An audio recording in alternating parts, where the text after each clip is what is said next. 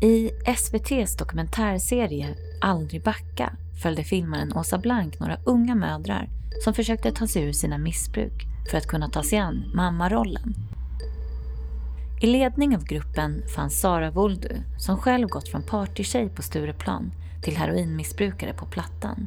Till ett tryggt, tillfrisknat Svenssonliv med man och barn. Sara växte upp i ett på ytan tryggt hem men byggde tidigt sitt självvärde i prestationer. Hos drogerna fann hon en falsk självkänsla, en förmåga att våga vara sig själv. Men partydrogerna byttes snart ut till tyngre droger och dagarna gick åt till att fixa pengar till nästa rus. Det är inte många steg från Stureplan till Sergels torg. Men Saras resa neråt fortsatte under lång tid. Hon förlorade sakta förmågan att känna, stängde omvärlden ute och återgick till drogerna trots konsekvenser som hemlöshet och fängelse. Det som till slut blev vändningen var då Sara träffade sin kärlek, mitt i allt kaos. Hon fick något att leva för, något hon inte ville förlora. Det var den här villigheten och förmågan att känna som fick konsekvenserna att bita. Tillsammans åkte de in på ett gemensamt behandlingshem och började sin resa in i tillfrisknande. Idag är Sara ordförande och verksamhetsansvarig på KRIS, Kriminellas rätt i samhället. Hon vill bidra till omvärlden och ser sin resa som en tillgång. För utan den hade hon inte varit där hon är idag.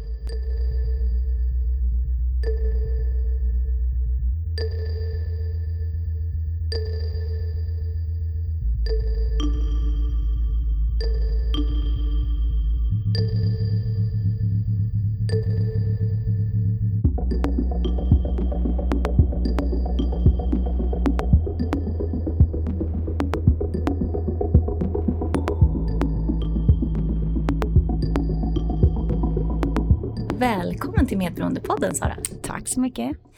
Hur mår du idag? Jag mår jättebra. Som nästan alltid nu för tiden. Tacksam till livet varje dag. Jag tänker, vi kommer gå in på din resa och du har ju varit med om väldigt mycket. Mm. Men jag tänker om du skulle beskriva en vanlig dag idag. Mm. Hur ser den ut? Oh, en vanlig dag. Eh, klockan ringer halv sex. Går upp någon gång mellan halv sex och sex. Sätter på en kopp kaffe, läser min eh, dagliga text som jag läser varje dag, bara för idag. Eh, litteratur ur NA. Dricker en kopp kaffe, läser den. Sen väcker jag min lilla dotter. Eh, klär på henne, gör henne i ordning, gör ordning mig. Vi väcker pappa. Eh, chillar iväg till dagis och sen åker jag iväg till jobbet jag och min man, vi jobbar ju på samma arbetsplats också så det är ganska bekvämt. Åker iväg dit, jobbar. Händer massor grejer under dagen beroende på. Eh, jag har ett ganska flexibelt jobb men det är mycket anstaltsbesök och möten med människor och sådär. Och sen är höjdpunkten på dagen då, det är när vi ska hämta lilla Melena från dagis. Det är det absolut bästa på hela dagen. Hon är det bästa som har hänt mig och eh, när hon springer mot en när man hämtar på dagis, liksom världens kram. Det är mm. wow. Och sen så mm, hem, laga middag, lägga henne. Ett helt vardagligt liv som är lyx för mig skulle jag säga.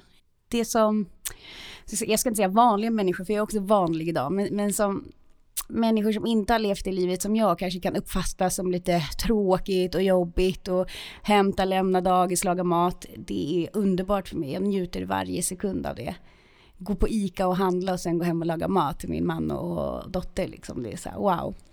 Hur gammal är din dotter? Hon fyller tre år om två veckor, 21 september. Wow. Jag tänker på att många gånger när man själv får barn mm. så brukar det ofta vara så att, att man börjar tänka tillbaka på sin egen barndom liksom, mm. och, och, reflektera över det och sådär. Mm. Hur skulle du beskriva din barndom? Ja, jag fick ju reflektera kring min barndom innan jag fick eh, min dotter eftersom jag var på behandling och eh, sådär. Och då handlade det väldigt mycket om barndomen och sådär. Och eh, utåt sett och på många sätt, inte bara utåt sett, så hade jag en bra barndom. Eh, kommer från en välbärgad familj. Jag hade det väldigt bra, vad ska jag säga, ekonomiskt och materiellt och jag reste mycket som barn och innan jag hade fyllt 15 så hade jag i princip rest runt hela världen med mina föräldrar och bott på lyxhotell och jag hade fina kläder och, och alla sådana där saker. Jag fick mycket kärlek från min mamma, absolut. Min pappa var själv nykter alkoholist, hade inte fått möjligheten att jobba med sig själv. Så att han var inte förmögen att kunna visa kärlek på det sättet som mamma kunde. Men sen så fanns det också, vi, de var väldigt eh, konservativa min familj och jag var yngst av eh, fyra syskon. Det fanns väldigt mycket, vad ska jag säga, extrema åsikter hur man skulle vara.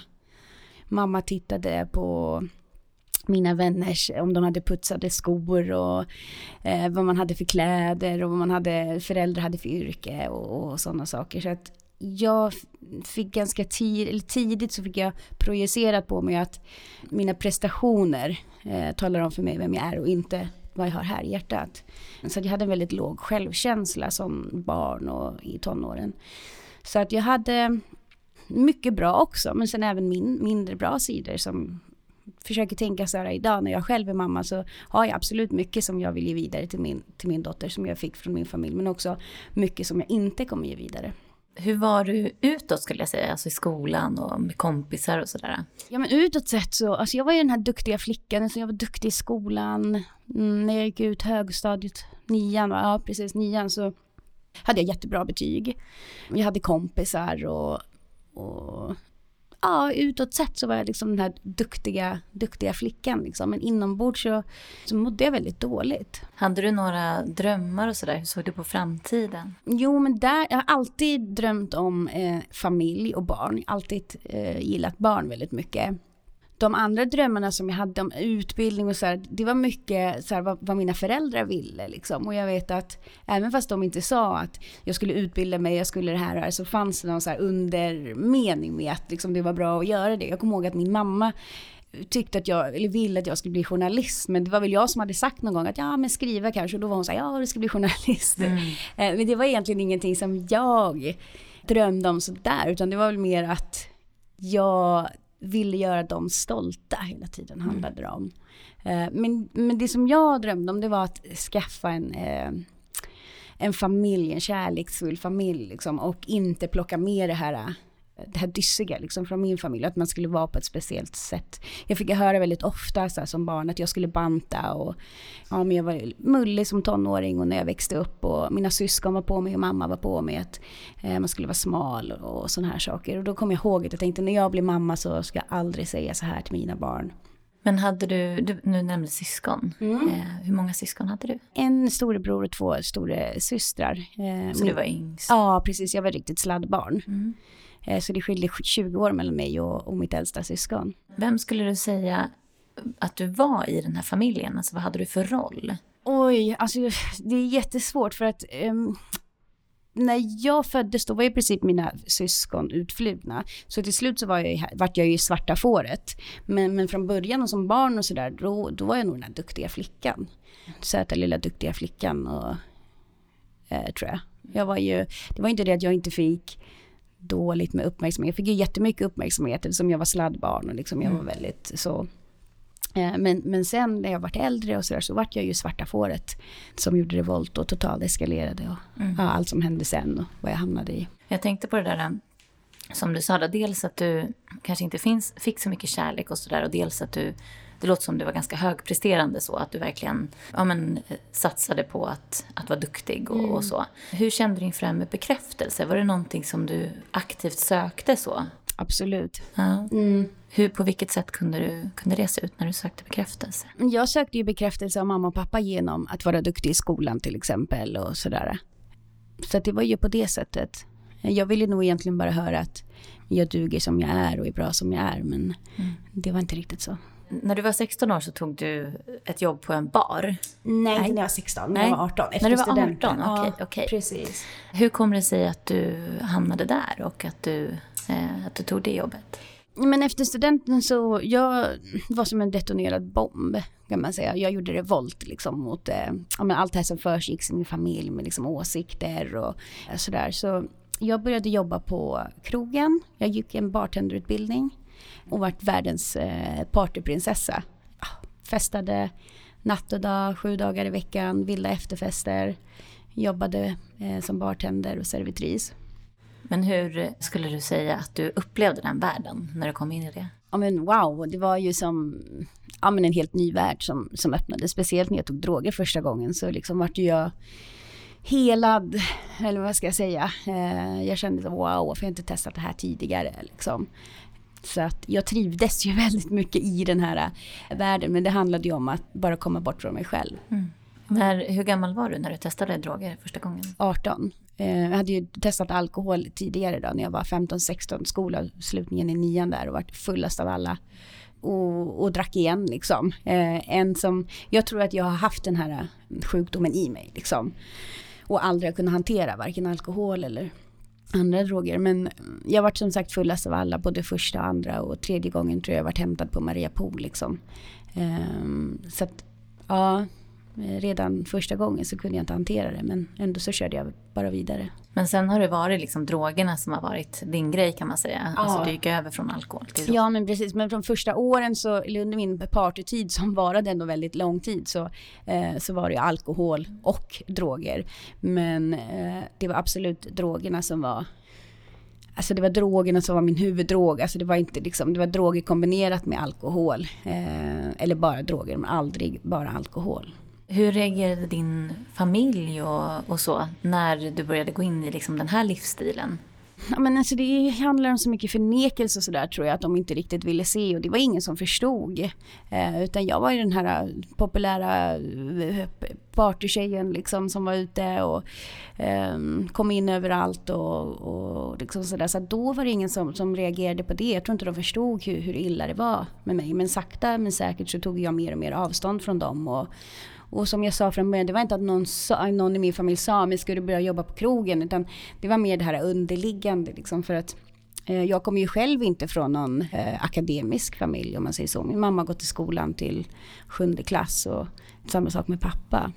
Så det var, väl mer något underliggande och en känsla som jag hade. Hur gick den här resan då? Eh, du började med alkohol mm. och sen så blev det att eh, drogerna kom in. Och sen blev det att du mer och mer gick över på enbart på droger? Ja, gud ja. Och mm. till slut så levde jag ju i många år. Jag var ju sprutnarkoman och eh, levde på plattan liksom och jobbade inte alls längre. Men de första åren, eh, då var det ju mycket ja, ecstasy och kokain och alkohol och det var tyngre och tyngre droger och jag började ta dem på annat sätt. Jag började röka mycket kokain och sådär så att jag behövde eh, mycket, mycket mera pengar. Så jag började med kriminalitet och, och det här var ju några år. Till slut så slutade jag att jobba och ja, men levde en kriminell, kriminell livsstil mm. och missbrukade på heltid. Jag började injicera drogerna och ja, livet gick helt plötsligt ut på att få i sig drogerna, jaga pengar för att få mera knark och så såg det ut. Liksom, in i fängelse, ut, knarka mera, jaga mera mm. eh, och sådär. Så sakta men säkert så liksom förstördes jag. Jag försvann. Sara försvann. Jag tänker den tiden från att du var liksom partyprinsessan in i att du till mm. exempel då var mer på plattan och så. Mm. Hur lång tid talar vi om? att eh, Hur många år var det det gick däremellan? Från 18 till 23 skulle jag vilja säga. Mm. Och sen från 23 till 31 som jag var när jag eh, slutade och varit clean. Så 18, 19, 20, 21, 22, 5-6 år som, mm. som var det här glammiga Stureplans eh, kroglivet. Hur såg du på dig själv då? Jag tänker att från att vara den här som du sa som kommer in överallt och alltså man blir ju, man blir ju någon oftast. Ja men precis och särskilt jag, jag hade ju fått höra när jag växte upp att um, ja, men jag var tjock och jag behövde banta och sen så när jag började med droger och jag var smal och jag var snygg och jag fick bekräftelse överallt liksom från eh, ja, men killar och så vidare. Och, så att jag fick ju någon sorts falsk eh, självkänsla, liksom, ett bra självförtroende. Men innerst inne så var ju självkänslan väldigt dålig eftersom jag behövde ta till mm. eh, liksom de här droger. Och... Men då, jag tänker hur förändrades den bilden då när du från då att ha stått där kanske i baren och vara populär mm. till att stå på plattan? Man tänker inte så mycket eftersom jag var så kidnappad av drogerna så att jag var ju så avstängd. Eh, så att jag reflekterar ju inte då under tiden utan det var ju bara liksom allt handlade om, om att liksom stänga av eller förhöja känslan liksom. Och så, utan det var väl mer när man hamnade i fängelse och hade drogfria perioder eh, som jag kunde reflektera kring det. Framför, jag kommer framförallt ihåg när jag fyllde 30 Eh, så firade jag det på, eller fira, jag fyllde 30 inne på Färingsöanstalten som ligger utanför Stockholm. Och, eh, jag hade blivit firat av tjejerna på dagen med tårta och de hade så sticka socker till mig. Och, eh, och sen efter inlåsning så, så gick det upp, till mig, eller gick upp för mig att jag shit vad hände liksom? Nu fyller jag 30 och jag har blivit en smutsig pundare, en sprutnarkoman som kommer bli hittad på någon skitig toalett med sprutan i armen. Eh, och, och det vart så här, som en käftsmäll för det hade gått så fort då. Mm. För då reflekterade jag, liksom, jag var den här partybruden som skulle skaffa allt det här sen, familj och barn och karriär och Eh, och vad hände? Mm. Då, ja, det gick upp för mig då på något sätt. Jag hade liksom inte hunnit reflektera kring det innan för att jag var så himla avstängd och var så inne i det här. Om man liksom föreställer sig sådär, eh, någon som lever då kanske ett svenssonliv. Mm. Eh, vad är det värsta som skulle kunna hända? Mm. Ja men det är kanske då att jag skulle bli hemlös, hemlös eller mm. hamna i fängelse. Mm. Liksom. Mm. Och när, när, när du hamnade i fängelse första gången, hur länge var du, satt du inne då? Jag dömdes först för två år, sen fick jag ner det ett och ett halvt år i, i hovrätten. Så jag satt inne i ett år. För jag tänker just det där då att det skulle kanske för många vara någon slags mm. botten, mm. eller man ska kalla det. Att nu sitter jag här och som du sa utan drogerna och Precis. tvingas fejsa de här sakerna. Precis. Men du gick ändå tillbaka. Jag gick tillbaka, jag satt ju fyra gånger i fängelse så det var som att ingenting var botten nog för mig. Liksom. Utan jag Alltså jag ska där och då så kände jag att det här livet jag vill leva men det handlade nog framförallt om att man inte vågade känna och inte vågade liksom hoppas och tro på någonting annat. Men jag intalade mig då liksom att, att jag trivdes med livet och eh, jag vet att jag såg ner på Svenssons liksom, som gick till jobbet eh, 9 till 5 och jag skulle aldrig bli en sån. Men, men, det handlar nog bara om, eller nog, jag vet att det handlar om det att man inte våg, man har gett upp ja, gett upp och slutat drömma. Sluta. Mm. Och därför förkastar man allt som man egentligen vill ha. Mm. Så att nej, ingenting var botten nog för mig förrän jag då träffade min livskärlek, min man, några år senare. Hur träffades ni? Ja, det är så sjukt. Vi träffades verkligen i, här, i den totala misären. Eh, båda heroinmissbrukare, han hade knarkat. Jag hade gått på heroin i, i fem, sex år och han hade gått på heroin i, i 15 år. Så att, um, ja, det var eh, tio år äldre än mig och jag var totalförälskad i honom och det är bara det är, så det är ett under. Liksom. Jag brukar säga det kärleken gör under för att så avstängda som vi, som vi båda var eh, och i den här misären som vi levde, liksom, att kärlek kunde blomstra upp. Mm. Eh, det är liksom helt otroligt. Men sen ska jag också säga att det är ingen kärlek som hade kunnat växa sig stark om inte vi hade fått möjlighet att göra en förändring och bli drogfria. För att det finns ingenting som kan komma emellan en narkoman och drogen. Mm. Så är det ju. Men att man ändå kunde våga, det var då jag vågade och, och började våga drömma och längta efter någonting annat och, och lika så han. Men minns du hur liksom situationen var när ni möttes? Liksom? Ja, eller ja, jo. Vi hade ju, eh, jag hade känt, vi hade känt till varandra och sådär men vi hade väl gått om varandra ute i svängen. Han hade suttit inne rätt långa straff och, och jag hade suttit och vi hade väl kanske varit lite olika kretsar från början och sådär. Men, men jag visste vem han var eh, och han visste vem jag var. Och jag hade ett så gott öga till honom och tyckte han var så här snygg. Och sen så efter jag hade muckat en gång från ett, ett fängelsestraff, ett lite kortare fängelsestraff, så var jag direkt och skulle köpa droger på Plattan liksom. Och eh, jag kommer inte ihåg om det var på Plattan eller om vi var i Kungsträdgården och, och Gibbe var på ett eller andra stället. Jag kommer inte ihåg vad det var, men jag tror att jag var i Kungsträdgården och Gibbe var på Plattan. Men då var jag där och skulle köpa droger i alla fall. Och så hade vi träffade en gemensam vän till mig och Gibbe. Och då ringde han, eller om det var tvärtom, till, till Gibbe. Och så sa han, ja men jag står här med Sara, hon har precis muckat. Ja men Sara Lötbom hette jag på den tiden.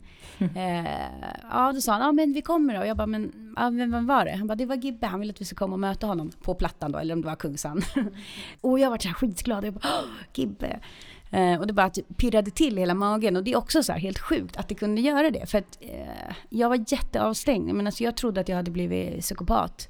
För att jag hade förlorat förmågan att känna. Mm. Folk dog i min närhet utan att jag kunde känna någonting känslomässigt liksom och så här. Då gick jag och mötte upp honom i alla fall med den här gemensamma vännen. Eh, Och sen så satt vi ihop efter den dagen. Helt otroligt. Tre månader var vi ute tillsammans innan vi åkte in i fängelse. Och slets ifrån varandra, var ifrån varandra i ett och ett halvt år. Mm. Åkte ni båda i fängelse då? Ja, eh, för olika straff då, men eh, vi var ifrån varandra i totalt ett och ett halvt år. Mm. Hur hanterade du det då? Men det var då det började bli jobbigt att sitta inne. Det hade ju inte varit det innan, för jag hade ingen att bry mig om. Jag hade ingen kontakt med min familj, det hade jag inte haft på många år. Man hade väl egentligen inga vänner sådär som man brydde sig om, utan det enda gemensamma man hade, det var ju drogerna. Och så helt plötsligt fanns det någon där som jag brydde mig om. Så det var ju otroligt jobbigt mm. eh, att vara ifrån honom. Och vi, vi hade ju liksom ingen kontakt. Jag vet att vi pratade i telefon en gång på de här ett och, ett och ett halvt åren. Och eh, så vi skrev brev. Eh, och det var som att vi fick lära känna varandra på riktigt, liksom mm. via brev och drogfria och sådär. Så det var tufft var det. Och det var då som båda två började liksom, ja, började våga drömma lite och hoppas på någonting annat. Hur var det då när ni möttes, när ni kom ut? Ja, men det var ju en resa kan jag säga. Först så, eh, när vi egentligen skulle ha setts efter ett år, för då muckade jag och Gubbe muckade fem dagar efter mig. Jag höll mig inte ute de här fem dagarna utan tredje dagen så torskade jag för en stöld eh, och åker in igen. Och han var så besviken. Jag skulle möta honom utanför anstalten liksom. Och den ångesten som jag kände då när jag satt där i polisbilen och visste att jag precis kommit ut så att de kommer bara direkt tillbaka till häktet liksom. Sen kommer vi få fängelse igen. Det var så jobbigt och då fick jag sitta ytterligare då ett halvår. Eh, och sen när vi kom ut då till slut, liksom, efter de här ett och ett halvt åren så Ja, gud, det var ju så mycket blandade känslor. Eh, jag var ju nervös, eh, jag var drogfri liksom, så det första liksom utanför grindarna, det var så här, i mig droger liksom för att jag skulle möta honom. Mm. Eh, sån dålig, låg självkänsla hade jag och jag tänkte ju så här, han hade ju gett förslag att om kan inte vi åka på parbehandling och jag vill något annat med dig. Men jag trodde ju bara om han får reda på vem jag är så kommer han aldrig älska mig. Eh, så jag sa ju bara, ja men vi ska bara knarka klart sommaren och så här, För jag var så rädd för att bli drogfri. Jag var så rädd för, ja men dels vem jag var. Jag hade ju blivit någon som jag liksom absolut inte stod för längre. Och så trodde jag inte att, att någon kunde älska mig så som jag var.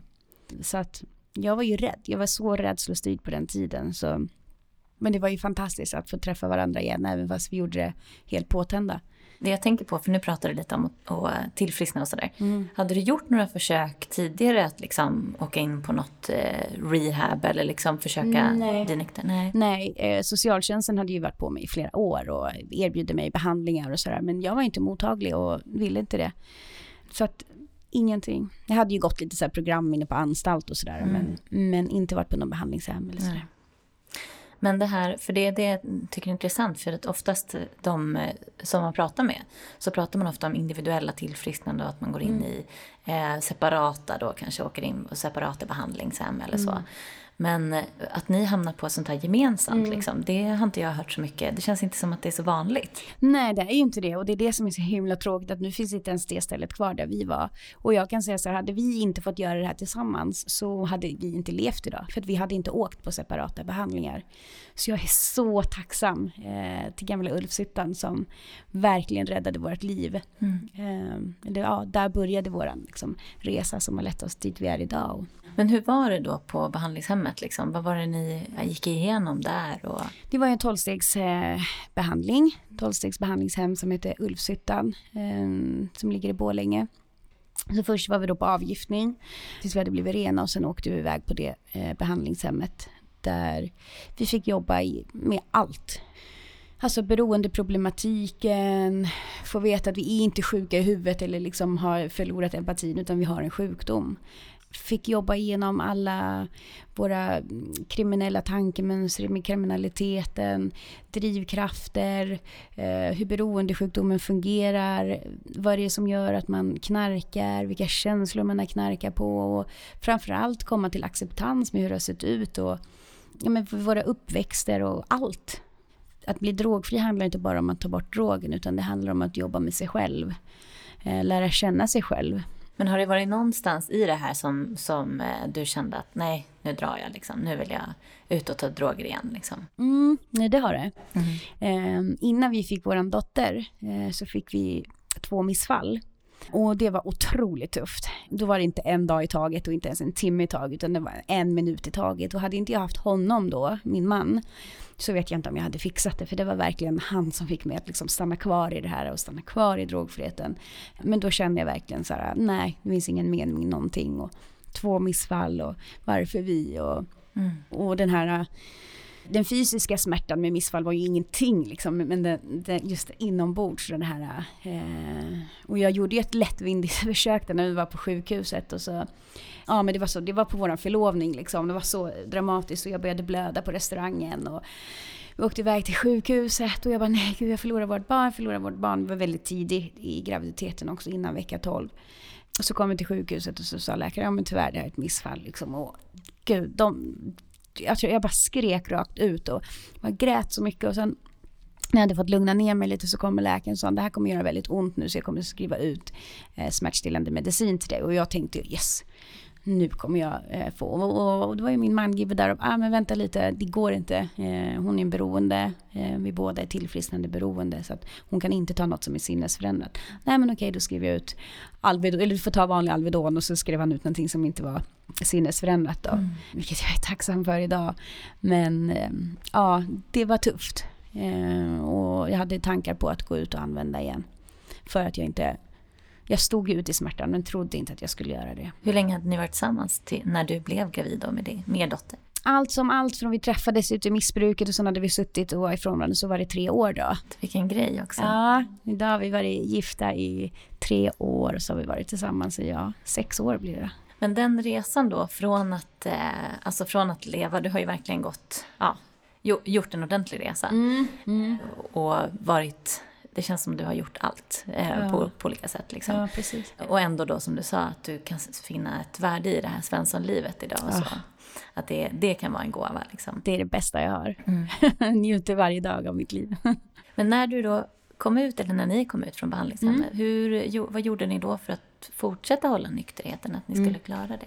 Det var väldigt viktigt för oss båda två att, att verkligen börja tillfriskna på riktigt och att bli en del i samhället. För vi båda hade ju levt så långt utanför samhället, på samhällets botten och eh, kostat massor med pengar i fängelse och behandling. Så att vi båda kände så att vi ville liksom bli produktiva medlemmar i samhället och liksom börja jobba och betala skatt och göra rätt för sig. Så att eh, vi tog tag i alla de här bitarna, liksom, socialt, ekonomiskt, eh, väldigt tidigt. Ja, men jag kommer ihåg att vi tog kontakt med, med Kronofogden redan när vi var på behandling. Liksom, hur ska vi gå tillväga? Vi har massa skulder liksom, och sådär. Och sen så kom ju kris in i mitt liv. Eller kris hade kommit in i mitt liv tidigare. Eh, när jag hade suttit på anstalt och sådär så kom de och besökte mig. Och och sådär. Och där och då så var inte jag eh, motiverad till att ändra mitt liv. Men jag vet att eh, vår ordförande då, Ali Roinanen, han gav, eh, mitt, eller gav sitt kort till mig och så sa han om du någon gång skulle vilja sluta knarka och göra något annat, tveka inte på att höra av dig. Eh, så det gjorde jag redan när jag var på behandling. Från en permission så åkte vi och hälsade på KRIS Stockholm då som låg på Krukmakargatan och bestämde att jag skulle börja vara där när vi kom hem från behandling viktigt att ha någonting att gå till, komma in i rutiner och eh, sådär. Så på den vägen är det. Eh, började hänga på KRIS, både jag och min man. Fick praktikplats där. Eh, sen vart vi anställda och Eh, idag så är jag ordförande och verksamhetsansvarig för KRIS Stockholm. Så att, mm. Men vad gör du nu på KRIS då? Liksom, vad är din roll och vad har du för uppgift förutom då att du är ordförande? Jag är verksamhetsansvarig så att jag driver verksamheten tillsammans med min man. Mm. Och i det ingår i massor. eh, vi gör mycket anstaltsarbete och eftersom man ska ha några år från belastningsregistret så är det bara jag och min man som är godkända. Så vi går på mycket anstalter Eh, motiverar interner, både tjejer och killar, till att förändra sina liv. Vi har den dagliga verksamheten på KRIS där vi hjälper människor att komma tillbaka till samhället, hjälper dem att, ja men vi kan följa med till eh, myndigheter.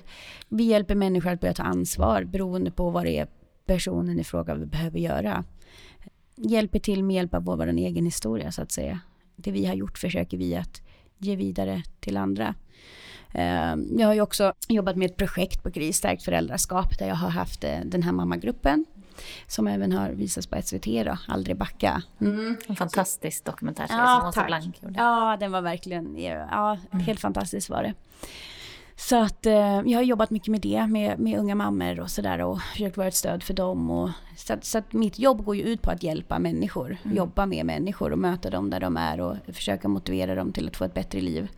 På samma sätt som jag har gjort. För det jag tänkte på när jag såg serien, för de för övrigt liksom delades i alla alltså sociala medier ja. och sådär som var jättefint att se. Mm. Eh, speciellt då som när jag sysslar med de här ämnena. Liksom ja. att, att det kom, når till folk som, som kanske inte riktigt känner till den här bubblan annars. Precis. Utan man är så liksom, ja men man lever i sin lilla Svenssonvärld liksom. Precis. Men det jag tänkte på då var just den här situationen av att eh, du har ju verkligen Alltså du har verkligen gått igenom det här och du har funnit ljuset. Liksom. Mm. Du har mm. funnit det här som, mm. som funkar. Liksom. Mm. Men också då med de här tjejerna som de vill men ändå inte eh, vill. Mm. Eh, alltså att man håller på att pendla fram och tillbaka. Liksom. Hade det varit min situation så skulle nog mitt medberoende kicka in. Eh, mm. just det här att jag vill hjälpa för jag vet vad det finns för ljus. Var det inte svårt för dig, just den delen, att liksom känna av hur långt du kan pusha och hur, liksom, hur villiga de faktiskt är och sådär? Jo, det var jättesvårt och det, det svåra i det här det var att det var barn inblandat. Mm. För att jag jobbar ju som sagt med människor hela dagarna eh, och är det inte barn inblandade, alltså att det inte är föräldrar, då kan man ju bara säga så här att okej, okay, gå ut och knarka, kom tillbaka när du är färdig, om du har tur så överlever du och då finns jag här. För det, det är jätteviktigt för mig att visa att man alltid står kvar, sätter gränser men står kvar. Men när det gällde de här tjejerna och mammorna så fanns ju ett litet barn med och då kan man inte bara säga okej, okay, gå ut och knarka och kom tillbaka. Så det var ju det som var så otroligt svårt. Um, absolut, det, var jättetufft och jag är tack, tacksam att jag själv har ett program att jobba i mm. Eh, där jag fick ventilera och, och liksom så här, för det var en tuff period. Det var det, precis som du säger, att hitta den här balansen, liksom, var ska jag kliva i, mm. var ska jag inte kliva i, hur mycket liksom, kan jag pusha, pusha jag för mycket? Men, ja, det, det, var svårt men till slut så hittar man någon sorts balans och man får försöka tänka så här, barnperspektivet. Är det ett barn som, som råkar illa ut, ja men då har jag faktiskt ansvar som, som vuxen medmänniska att göra någonting. Så man får försöka ha det, det hade jag i fokus hela tiden, barnperspektivet. För det är det, eh, den, just den, den delen känner jag liksom att eh, ja, men det är ju någonting som väldigt, väldigt många anhöriga till exempel går igenom. Alltså mm. att se sitt barn kanske med, ja. med, med barnets barn. Mm. Och att liksom att stå där och pendla mellan eh, stolarna. Liksom, hur mycket mm. kan jag ingripa och hur mycket inte. Ja. Men det jag tänker på i din resa, mm. eh, var dina föräldrar eller din familj, försökte de pusha på något sätt? Försökte de få dig att sluta att gå den friska, sunda vägen? Jo men absolut. Och Alltså jag vet att mina syskon jagade mig på plattan och så grejer och kom hem till mig och liksom de försökte, försökte allt. De förmådde väl inte bättre, de gjorde det de kunde. Vilket är ju naturligtvis inte sunt, det de gjorde. För att någonstans så måste man ju säga att det, man måste leva sitt eget liv, även om det låter hårt. och, och släppa missbrukaren om inte han är eh, mogen och inte vill ha hjälp. För man kan inte tillfriskna åt någon annan. Sen, sen är det ju självklart jättesvårt att, att, att stå som anhörig. Men de gjorde absolut det, det de kunde och, och, lite mer. Men det var som sagt ingenting som hjälpte eftersom jag inte var mottaglig. För det känns ju som att det var när du, när du träffade din man som den här villigheten faktiskt ja, kom. Så, ja. Vi pratar ju mycket i podden också om så vikten av konsekvenser och att mm. väldigt många eh, anhöriga försöker liksom rädda och, och nej, den här personen får inte hamna i hemlöshet eller får nej, inte hamna precis. i fängelse. Så. Men det låter ju som att de här konsekvenserna på något sätt inte hade sin effekt på dig utan det låter som att det var tvärtom, att det var när kärleken kom in så som din villighet kom. Precis, så var det för mig. Och det handlade väl också om att när kärleken kom in, då vart konsekvenserna för jobbiga att bära. Jag menar, jag hade suttit i fängelse innan, och när jag hamnade i fängelse och hade, min, hade träffat kärleken, då var det så otroligt mycket tuffare. Mm. Um, så att, uh, ja, så var det för mig. Sen säger inte jag att uh, man måste träffa kärleken för att tillfriskna, men, men i mitt fall så var det den där vändningen kom. Sen idag är jag drogfri för min egen skull, men, men där och då så var det han som fick mig att vilja någonting annat. I serien Aldrig backa då, mm. så, så är det ju en scen där när du ändå är, är, hälsar på din mamma mm. och pratar och så. Mm. När återtog ni kontakten igen så att säga då efter det? Vi återtog kontakten ganska snabbt efter jag hade flyttat hem från eh, behandling. För från början då hade jag mycket agg och jag var arg och jag tyckte allt var min familjs fel. Men ju mer man tillfrisknar så, så ser man ju och förstår att det är inte så. Att det beror på olika saker och de har gjort sitt bästa. Och, och sådär. så det är en process. Men jag tog kontakt med mamma när jag hade flyttat hem från behandlingshemmet och var gravid. Ja, jag kommer ihåg att jag ringde henne och sen så bestämde vi träff och eh, träff kom jag och Gibbe, min man då, och hälsade på henne och jag hade, tror jag inte hade fått stor magen när jag var gravid och sådär och trodde att, jag kommer ihåg att jag skulle berätta det att jag var gravid och då hade jag sagt till min man, ja ah, min mamma kommer säga, vadå ska du skaffa barn och du kan inte ens ta hand om dig själv. Eh, det var den vad ska jag säga, det var den tanken, eller det var den, jag hade målat upp ett scenario att det skulle bli så. Och sen så bara vart hon helt överlycklig och bara började gråta och eh, vart inte alls så som jag trodde. Eh, och idag så har vi ju en bättre relation, jag och min mamma, än vi någonsin har haft, alltså långt innan jag började missbruka. Och inom tolvstegsprogrammet och sådär så mm. pratar man ju mycket om gottgörelse och vikten att se Precis. sin del i det och sådär. Mm. Liksom. Hur, eh, hur har det varit för dig liksom med den biten? Jo, men tack vare att eh, jag är en inbiten tolvstegare och så, så ja, men har det gått jättebra. För det är, precis, det är precis det det handlar om. Det spelar ingen roll vad någon har gjort mot mig. Utan jag måste se min del och gottgöra för det jag har gjort. Eh, så att mamma var ju absolut med på min gottgörelselista och ja, hela min familj. Mm. Och den bästa gottgörelsen som jag har gett och ger, det är ju eh, min drogfrihet och det liv jag lever idag och hennes barnbarn. Men det jag tänker då i er kärleksrelation nu då, mm. så är ni ju ändå två nyktra personer som har liksom gått igenom mm. eh, mycket. Mm. Finns det, kan du känna någon gång att det kommer en rädsla liksom att någon ska ta återfall? Och, eh, kan det, kan det kicka igång sådana tankar hos dig? Nej, faktiskt inte nu. Däremot från början kunde det göra det ja oh, gud, går Gibbe ut och knarkar då gör jag också det. och sådana här grejer. Men, men inte idag. Alltså, vi är så trygga båda två i våran eh, nykterhet. Och vi vet att vi har en sjukdom och vi kommer ha den hela livet och båda är väldigt eh, rädda om det vi har idag. Så att vi vårdar vår tillfrisknande och vårdar vår kärlek. Så att eh, några sådana rädslor finns faktiskt inte. Och hur ser du på det här med din dotter då? För det är ju, eh, alltså det här med beroendesjukdomen mm. är ju ärftlig också. Precis. Hur, eh, för nu har ni ju ni är två föräldrar som har den här beroendesjukdomen. Precis. Hur tänker ni? Har ni pratat mycket om det liksom inför framtiden och sådär? Absolut, det är klart att vi har det och som sagt hon har gener både från mig och från sin pappa. Mm. Dock så får hon ju en eh, en väldigt kärleksfull uppväxt och eh, får alla sina behov tillgodosedda. Alltså hon får trygghet, hon får kärlek, hon får bekräftelse, hon får veta att hon duger som hon är och hon får väldigt hon, lever, eller hon, lever, hon växer upp i en väldigt tillfrisknande miljö. Hon har ju vuxit upp i liksom tolvstegsprogrammet mm. och, och sådär. Eh, så det vi kan göra, eh, det är ju att liksom ge henne alla bra förutsättningar för att lyckas i livet. Och sen vet man ju inte. Det kommer i alla fall bli svårare för henne att liksom ljuga och, och sådär när det kommer sen till droger och sådär än, än vad det var för mig. Alltså jag kunde ju ljuga hur mycket som helst, kunde vara helt påtänd framför min mamma utan att hon förstod någonting. Så att vi gör det i våra makt att ge henne liksom en trygg uppväxt och få en bra självkänsla och, och sådär. Och sen så får vi ta resten då när det kommer, om det kommer. Peppar peppar. Men hur eh, öppna är ni och kommer ni vara liksom, kring era erfarenheter och sådär? Oj, vi kommer vara jätteöppna. Alltså dels så är, har vi ju båda valt att gå ut offentligt med våra liv, var vi kommer ifrån. Eh, både jag och min man och är ju med mycket i sådana här sammanhang som handlar om liksom, eh, ja, beroendefrågor och Eh, och behandling och tillfrisknande och, och sådär. Och jag har varit med i en serie och även lilla Melena har ju varit med. Så att vi har ju valt att gå ut med det här. Så att vi kommer prata väldigt öppet med henne om var vi kommer ifrån och eh, om våran sjukdom och om våra liv. Eh, vi kommer inte Nej men som sagt vi kommer vara väldigt öppna med det och sen självklart eh, i den mån hon förmår. Man kan ju inte säga till ett treårigt barn hur vi liksom injicerade heroin i halsen liksom, utan man får ju ta det pö om pö. Eh, ta det varsamt och vi kommer inte dölja någonting för henne utan vi kommer ta det i liksom, vad säger man? Pö om Pö pö. om pö, precis. Men det känns som att hon måste vara väldigt, eller hon kommer nog, om hon inte redan är det så kommer hon att vara väldigt stolt över sina föräldrar tror jag. Ja, jag hoppas Hon är ju som sagt, hon är ju med så mycket. Hon har ju som sagt vuxit upp på sådana möten och i tolvstegsgemenskapen och, och sådär. Och, och hon trivs, man märker att hon trivs i så här tillfrisknande miljöer. Hon är väldigt trygg och liksom så att det... Några avslutande tankar och frågor sådär.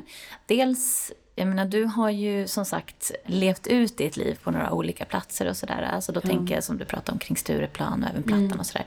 Hur är det idag liksom när du går förbi eller när du är i de här miljöerna? Stöter du på gamla vänner eller hur, hur hanterar du det? Ja, gud, jag stöter på ofta gamla vänner och idag när jag går över till plattan så känner jag bara sån stor tacksamhet i mitt liv. Och självklart så, så lider jag med de människorna som, som fortfarande lever det livet. Eh, Jag är väldigt ödmjuk eh, inför dem och, och varifrån jag kommer. Men jag kan säga så här, jag gick inte förbi Plattan de första två åren. Jag var så rädd om min drogfrihet och jag hade gjort upp en plan så här, redan på behandlingshemmet med min terapeut. Plan för tillfrisknande. Och det var verkligen så här, okej om jag behöver gå till Åhléns och handla på Åhléns så ska jag inte åka till Plattan utan jag ska åka till Liljeholmen. Och jag undvek den, den platsen även fast jag inte kände något sug eller någonting. Men jag, var, ver- jag har ingenting där att göra för att jag var så rädd om, om min nykterhet. Eh, som sagt idag så, så går jag därifrån med ah, eller går, går över plattan med sån tacksamhet till mitt liv. Får du några reaktioner då på liksom att du är nykter, att du lever det här livet som du gör idag? Från, från de då som kanske inte har lyckats ta sig dit. Jo, men absolut. Eh, visst får jag det, men, men många känner inte ens igen mig också. Så att, eh, men, men absolut, jag vet många som fortfarande lider där ute som är jättelyckliga för, för våran skull. Och som tycker att det är häftigt att vi har lyckats. Hur ser du på framtiden idag? Oj, framtiden. Eh, jag brukar säga så här, om jag bara får behålla allt som jag har idag, liksom, så kommer jag vara lycklig livet ut. Eh, och, och så är det. Men sen har man ju självklart eh, drömmar och visioner. Vi har ju haft mål och, och visioner och drömmar hela tiden, liksom, sen vi första dagen på behandlingen. Liksom, och, eh, drömmar och mål som vi har uppnått med egen lägenhetskont- eller eget lägenhetskontrakt och körkort och sådana här bitar. Så att absolut finns det visioner och det är eh, större familj, eh, till syskon till Milena, så småningom villa eller radhus, ett eget behandlingshem eller Ja, ett eget behandlingshem är väl eh, våran dröm då, som vi vill eh, öppna i framtiden. Är det viktigt att liksom, alltså leva kvar och driva de här frågorna i ditt eller ert tillfrisknande? Ja, det är jätteviktigt för mig, både i mitt jobb och som eh, ja, privatperson. Eh, jag tror att det finns någon mening med att jag har överlevt eh, så pass mycket som jag överlevt. Ja, men både med överdoser och varit i så extremt farliga situationer med, med farliga människor. Och, så här, och jag tror att det finns någon mening eller att jag har fått något kall. Så här, att jag har överlevt allt så tror att det finns Ja men någon, någon, någon kraft som, som säger till mig att jag eh, ska förvalta det liksom och göra något bra av. Jag brukar säga så här att man kan att man använder, att jag använder min ryggsäck, liksom min, min bakgrund är idag min skatt, det är det bästa jag har.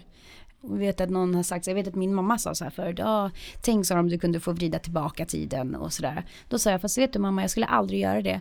Så hon sa, nej varför inte det? Jo för att allt som har hänt mig, det har format mig till den jag är idag. Allt jag har varit med om, sorgliga saker, bra saker, tragiska saker, allt har format mig till den jag är idag och det kan jag använda idag till att hjälpa andra människor. Jag har blivit en bättre version av mig själv. Jag tänker det här med min mamma bara. Ja, hon har ju aldrig haft en så bra relation som vi har idag. Inte ens innan jag började missbruka. Jag hade aldrig fått med Lena, men det finns hur mycket grejer som helst. Att jag ångrar faktiskt ingenting. Istället så förvaltar jag det och eh, det är min största skatt idag. Min bakgrund. Mm, kan hjälpa andra människor som, som lider och faktiskt visa att det finns ett annat sätt att leva. När man följer dig och liksom läser om dig och tittar när du är liksom i, i mediala sammanhang så, så känns det ofta som att du också driver det här att det finns inga hopplösa fall. Liksom, utan Absolut. att alla har möjlighet att tillfriskna. Absolut, det tror jag stenhårt på. Men finns det något annat som jag tänker nu, för du pratar om det, att det här är en väldigt stor del av vad du gör också, att åka runt och sprida det här och tala om de här sakerna och så. Eh, finns det något annat liksom som är viktigt för dig, känner du, att förmedla till, till människor? Ja, det är det. Och det är ju att alla barn eh, förtjänar en drogfri och trygg och lycklig uppväxt. Det är också så här jätte, ligger mig jättevarmt om hjärtat. Och rätten till drogfri behandling. Det här är ju liksom Medberoendepodden. Mm. Vad har du för tankar kring medberoende? Alltså de flesta beroende, alltså som är, är ju även medberoende. Och, och är man inte det till någon annan så, så är man det till sig själv. Mm. Liksom. Så, att, så att det är ju också det är också en del liksom, av den här eh, sjukdomen. Eh, nej men det är någonting som vi, alltså jag tänker de gästerna som jag har som mm. också har eh, beroende som man har kanske tagit mm. tag i och blivit nykter och så. Så mm. börjar man titta lite på det som ligger under. Att det är ofta kanske medberoenden som, som ligger och skaver där. Ja men precis och det finns ju hjälp att få också för, för alla som är medberoende. Jag menar jag får ju hjälp i självhjälpsgrupper och sådär. Det finns ju jättebra självhjälpsgrupper för, för medberoende också. Eh, nu pratar du lite om din framtid och det mm. du har varit med om och sådär. Om du, det här är en svår fråga, om du skulle ha möjligheten då, för du pratade lite grann om det här, din mamma, att du skulle kunna gå tillbaka i tiden. Så här. Om du fick möjligheten att göra det och gå tillbaka och träffa liksom Sara då som, som växte upp i den här familjen och så. Mm. Finns det någonting som du på något sätt skulle vilja förmedla till, den, till det barnet? Mm. Till lilla Sara? Mm. Ja, eh jag skulle säga till lilla Sara att du är fin och vacker och bra och du duger som du är. Jättefint. Mm. Jag tror vi låter det bli sista orden. Tusen, tusen tack Sara. Fantastiskt att du har delat din berättelse här. Tack så mycket för att jag fick komma hit. På vår hemsida kan du läsa om hur du kan komma i kontakt med Sara. Och missa inte dokumentärserien Aldrig backa som finns att se i SVT Play www.medberoendepodden.se är adressen till vår hemsida och i sociala medier heter vi Medberoendepodden. För att ta del av avsnitten först kan du prenumerera på podden via Podcaster. Där kan du även betygsätta oss, vilket kan hjälpa andra att hitta Medberoendepodden.